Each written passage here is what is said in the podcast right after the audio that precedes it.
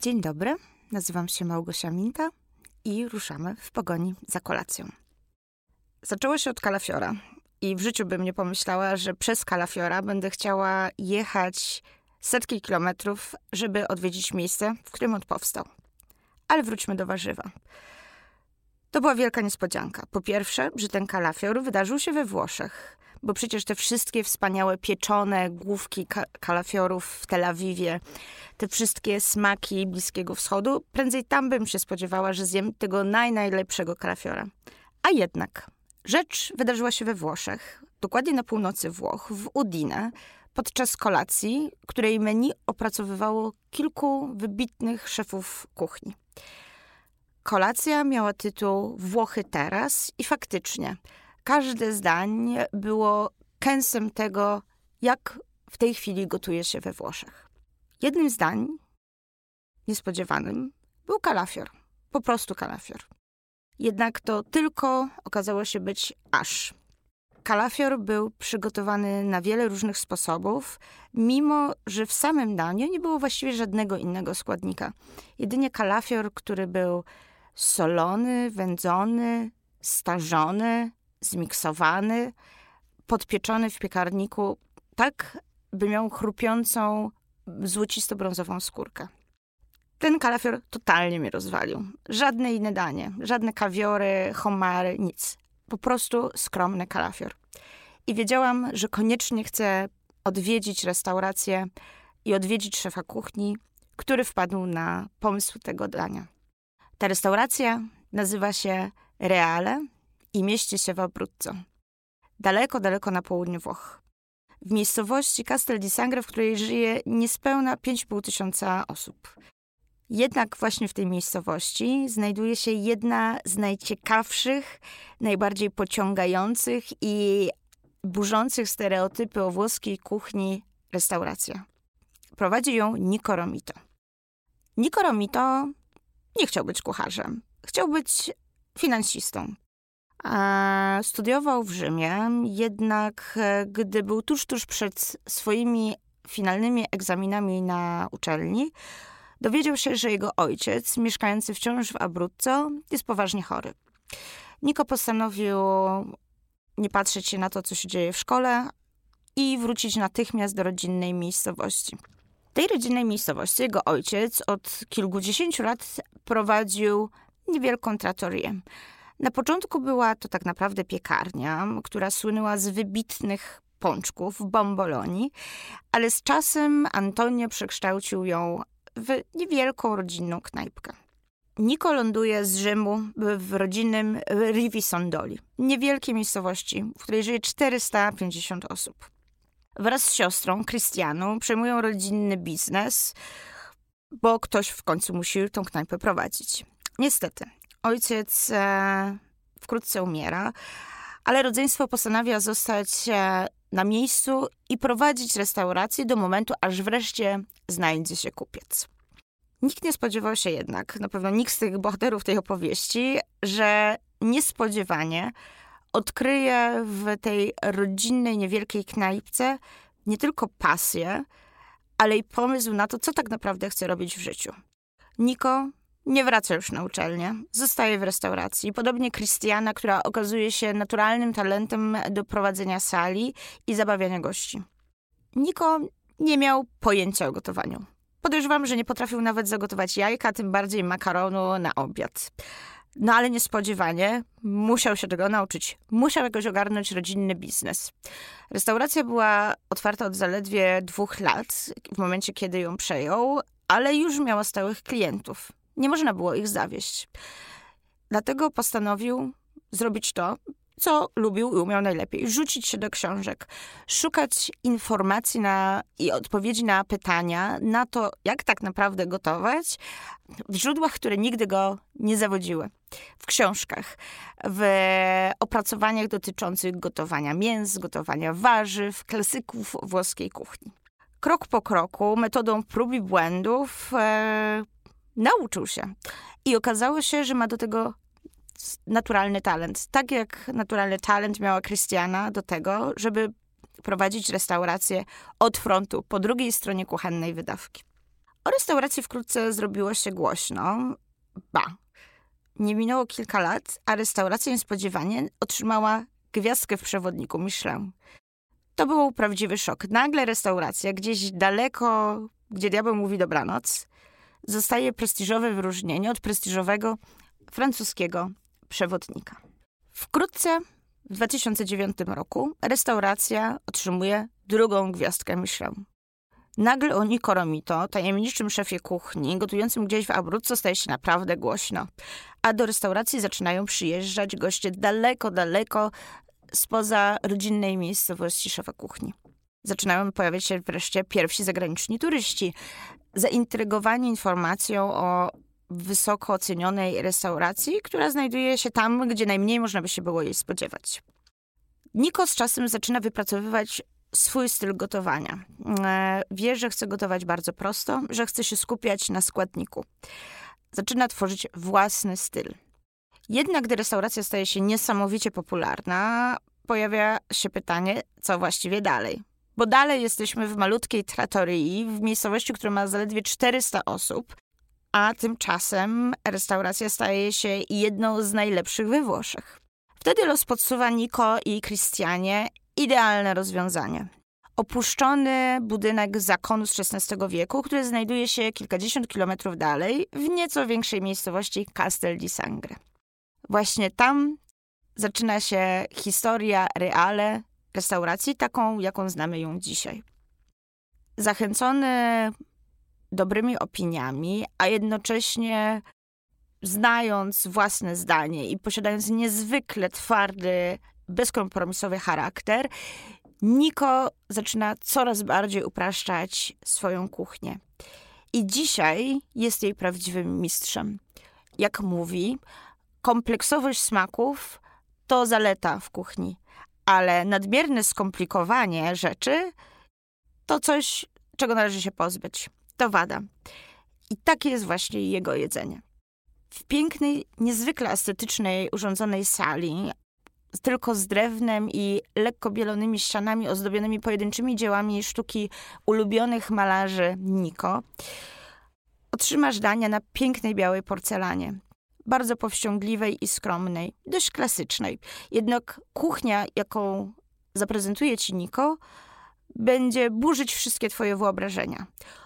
Będzie daleka od maminej włoskiej kuchni rodem z Trattorii, ale będzie też miała niewiele wspólnego ze stereotypami dotyczącymi fine diningu, gdzie podaje się niezwykle złożone dania, gdzie talerze są pokryte kropkami, mazami, jadalnymi pudrami, ziemiami czy piankami. Nie. Tego Uniko nie ma. Uniko jest składnik. Składnik przygotowany najbardziej perfekcyjnie, jak tylko był w stanie to zrobić. A czasem opracowanie pojedynczych przepisów do czego się zresztą przyznaje Niko, zabiera mu kilkanaście miesięcy, a nawet lat. Tak bardzo dąży do perfekcji. Co się przed tobą pojawi? Pojawi się choćby delikatna bulionówka z cienkiej, niemalże przejrzystej porcelany, wypełniona absolutem. Tak właśnie nazywa Niko idealnie klarowny, złocisty w kolorze bulion, przygotowany z trzech świętych warzyw włoskiej kuchni: selera, pietruszki i marchewki. Mogą pojawić się najdelikatniejsze ravioli, wypełnione świeżo zrobioną ricottą, tak, tak, przygotowaną na chwilę przed Twoim obiadem lub Twoją kolacją. Nie będą podane ani w maśle, a tym bardziej w jakimś kremowym sosie, ani nawet posypane parmezanem. Niko podaje w zredukowanej wodzie, w której te ravioli się gotowały. Woda, no woda w teorii nie ma smaku, ale jednak okazuje się, że ma go zupełnie sporo. W końcu to w wodzie gotują się pierożki, które są głównym bohaterem dania. To do wody przechodzi delikatny smak ciasta, lekko śmietankowy i kremowy smak świeżego sera ricotta. Wreszcie, pod wpływem długiego gotowania, sama woda zmienia swoją konsystencję. Przestaje już być nudnym, wodnistym, nomen omen płynem, a staje się bardziej gęsta, zawiesista dzięki odrobinom skrobi, które przedostały się do płynu. Te pierożki śnią mi się do dzisiaj. Były tak delikatne i świeże i dalekie od tego, czego można by się spodziewać e, po daniu, które składa się tak naprawdę z ciasta i sera. Wreszcie pojawia się oczywiście kalafior, a po nim inne, niezwykle proste dania. Czasem to może być idealnie spreparowany kawałek karczocha, jeśli tylko będzie on w sezonie, albo cieniutki plasterek turbota upieczonego na jego własnej kości, tak jak można by piec wieprzowe czy wołowe żeberka. Do tego może kropka sosu, pojedyncze, idealnie ugotowane warzywo. Nic więcej. Z talerzy Nikoro mi to tchnie pustka, ale tylko wizualnie, bo w każdym kęsie dania jest niezwykła potęga smaku. Niko Romito to szef obsesjonat. E, jeśli wymyśli sobie jakiś temat czy zadanie, dąży do tego, by zrealizować je najlepiej jak się tylko dnia. Tak było zresztą z jego chlebem. Do dzisiaj pamiętam, kiedy pierwszy raz spróbowałam chleba na zakwasie według receptury Nikoromito.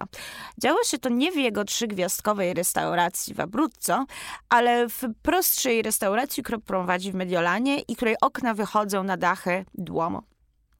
Restauracja nazywa się Spazio i jest chyba bardziej popularna wśród Mediolanczyków niż wśród turystów, co, biorąc pod uwagę lokalizację, jest prawdziwym wytchnieniem. Tu odpoczywa się nie tylko od hałasu i całego zamieszania, jaki zostaje na dole, na placu wokół katedry, ale odpoczywa się też wizualnie. Odpoczywają oczy od pięknej przestrzeni, od przestrzeni, która jest za oknem i wreszcie od tego, jak wyglądają dania. Chleb, właśnie, Chleb dla Niko jest daniem, nie jest dodatkiem, nie jest jedynie e, elementem, który musi się pojawić obowiązkowo w e, koszyczku, zanim nastąpi cały posiłek, ani nie jest nawet narzędziem, którym można wytrzeć talerz po jego zakończeniu. Chociaż tak najlepiej wykorzystać każdy okruszek tego bochenka. Nad swoim chlebem pracował przez kilka lat, chcąc wskrzesić tradycję pieczenia chleba na zakwasie. Pieczywo we Włoszech nie jest zazwyczaj czymś najlepszym, a w Toskanii i w kilku innych e, prowincjach jest naprawdę, przynajmniej z perspektywy polskiego podniebienia, fatalne. Bez soli, watowate, i służący właściwie tylko do tego, żeby doczyścić półmisek po intensywnym smaku ragu z pomidorów e, i podduszonego mięsa. Chleb u Niko jest inny. Chleb Niko ma duszę. Ma konsystencję, jest wilgotny, a jego skórka jest przyjemnie chrupiąca. Te niewielkie bochenki pojawiają się jako główna gwiazda stołu bez niczego. Masz się cieszyć każdą kromką, a właściwie każdą ćwiartką niewielkiego, okrągłego bochenka, tak jakby to była największa delicja. Bo w sumie tym właśnie ten chleb jest. A ogrom pracy, jaki włożono w to, by ten przepis był jak najlepszy, a chleb jak najbardziej przypominał Chleb od Niko to właściwie ideał chleba. Smakuje tak, jak wyobrażamy sobie idealny chleb. Czasem nawet jeśli nie mieliśmy dawno możliwości znaleźć go w naszej piekarni, a tym bardziej odwiedzając różne knajpy czy restauracje. Nico Romito, szef kuchni i twórca restauracji Reale w Castel di Sangro, to szef kuchni samouk. Nigdy nie jeździł na żadne staże, a tym bardziej nie chodził do żadnej szkoły gastronomicznej. Tak naprawdę zdobywał swój fach w biegu, prowadząc jednocześnie rodzinną restaurację. Mimo, że od tamtych czasów minęło już wiele, wiele lat, a jego talent oraz efekty ciężkiej pracy było wielokrotnie odznaczane i nagradzane, Niko nie zapomniał swoich początków. Nie zapomniał, jak było mu trudno i nie zapomniał, ile pracy i wysiłku kosztowało znajdywanie odpowiedzi na nurtujące go pytania. Dlatego postanowił ułatwić to innym. Tuż obok swojej restauracji otworzył kilka lat temu akademię, która jest otwarta dla każdego ma studentów z całego świata i są to zarówno osoby, które stawiają pierwsze kroki w świecie kulinariów, takie, które marzą o tym, by być szefową albo szefem kuchni, ale też e, ci, którzy przepracowali już kilka czy kilkanaście lat w restauracjach, ale czują, że brakuje im wiedzy. Takiej wiedzy, która będzie konkretna. Konkretna jak ten kalafior, od którego zaczęłam całą tą opowieść. W tej szkole pracują nie tylko szefowie kuchni, czy cukiernicy, czy piekarze, ale zajęcia prowadzą antropolodzy, psychologowie, botanicy, specjaliści od rolnictwa. Wszystko po to, by przyszli kucharze czy kucharki mieli jak najlepszą wiedzę i jak najlepsze pojęcie o tym, co tak naprawdę stanowi sedno dobrej kuchni, o dobrym składniku, tym skąd go brać i jak go najlepiej potraktować. Jeśli pojedziecie samochodem albo ruszycie w kilkunasto czy dwudziestominutowy spacer z restauracji Reale i zjedziecie do miasteczka, a właściwie na jego obrzeża, które nie są najbardziej urodziwe, znajdziecie jeszcze jedną restaurację Nikoromito, która jest szczególnie droga jemu sercu. Restauracja nazywa się Alt, a inspiracją dla niej była prawdziwa instytucja włoskiej gastronomii, czyli Autogrill.